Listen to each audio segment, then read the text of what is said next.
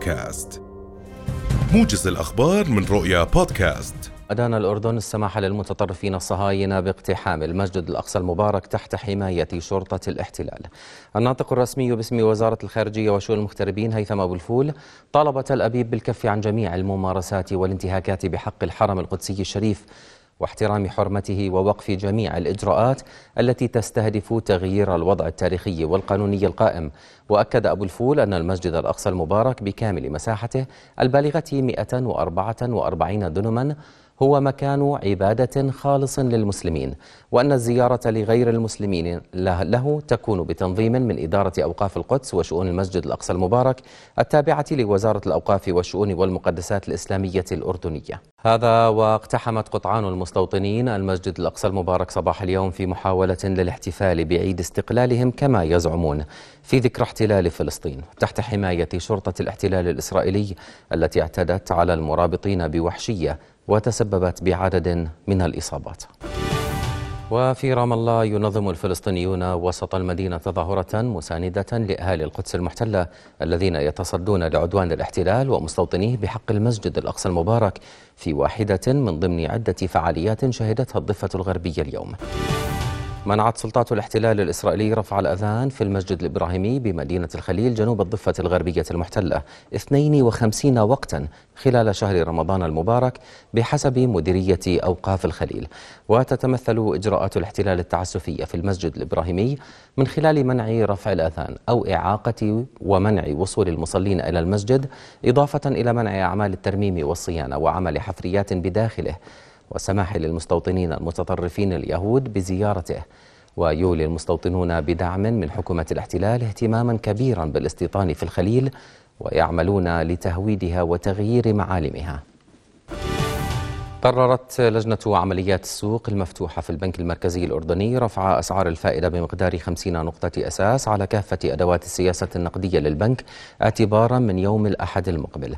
وبحسب البنك المركزي يأتي هذا القرار انسجاما مع أهدافه في المحافظة على الاستقرار النقدي والمالي في المملكة والاحتواء الضغوط التضخمية المحلية المتوقعة في ضوء استمرار الارتفاع في معدلات التضخم العالمي. وكذلك انسجاما مع ارتفاع أسعار الفائدة في الأسواق المالية الإقليمية والدولية.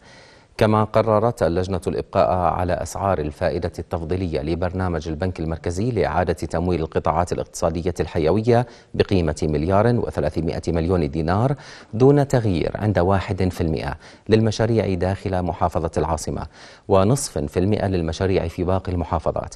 كذلك قررت اللجنة الإبقاء على سعر فائدة برنامج البنك المركزي لدعم الشركات الصغيرة والمتوسطة والمهنيين والحرفيين بقيمة 700 مليون دينار على مستواه الحالي دون تغيير بحيث لا تتجاوز سعر الفائدة للمقترضين 2% ولمدة 54 شهرا من ضمنها فترة سماح تصل إلى 12 شهرا. استمر تدفق البواخر على مختلف أرصفة الموانئ في مدينة العقبة خلال عطلة عيد الفطر السعيد التي تحمل بضائع وسلع استراتيجية لا سيما الزيوت النباتية والسكر. مدير عام شركة العقبة لإدارة وتشغيل الموانئ خالد المعايطة قال إن أرصفة الموانئ استقبلت على مدار أيام عيد الفطر الثلاثة سبع بواخر.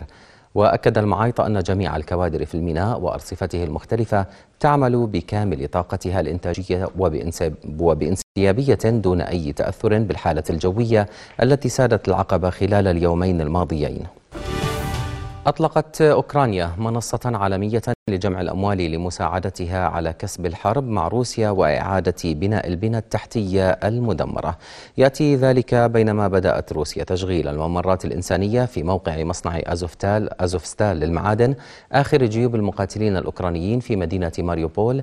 تنفيذا لوقف إطلاق النار لثلاثة أيام أعلنت عنه القوات الروسية من جانب واحد مع استمرار المعارك في بقية مناطق أوكرانيا.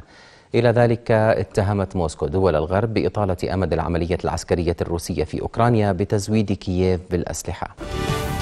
في الصين بدت شوارع الحي التجاري في العاصمة بكين فارغة من الناس بعدما طلبت الحكومة من المواطنين العودة إلى العمل عن بعد. وأغلقت العشرات من محطات المترو بعد عطلة وطنية باهتة بسبب تدابير الحد من انتشار فيروس كورونا. وتتمسك السلطات الصينية باستراتيجية صفر إصابات بما يشمل الإغلاقات وحملة فحوص واسعة للحد من أكبر تفش للفيروس منذ بداية الوباء حيث أغلقت أحياء بأكملها في العاصمة بسبب عدد قليل من الإصابات.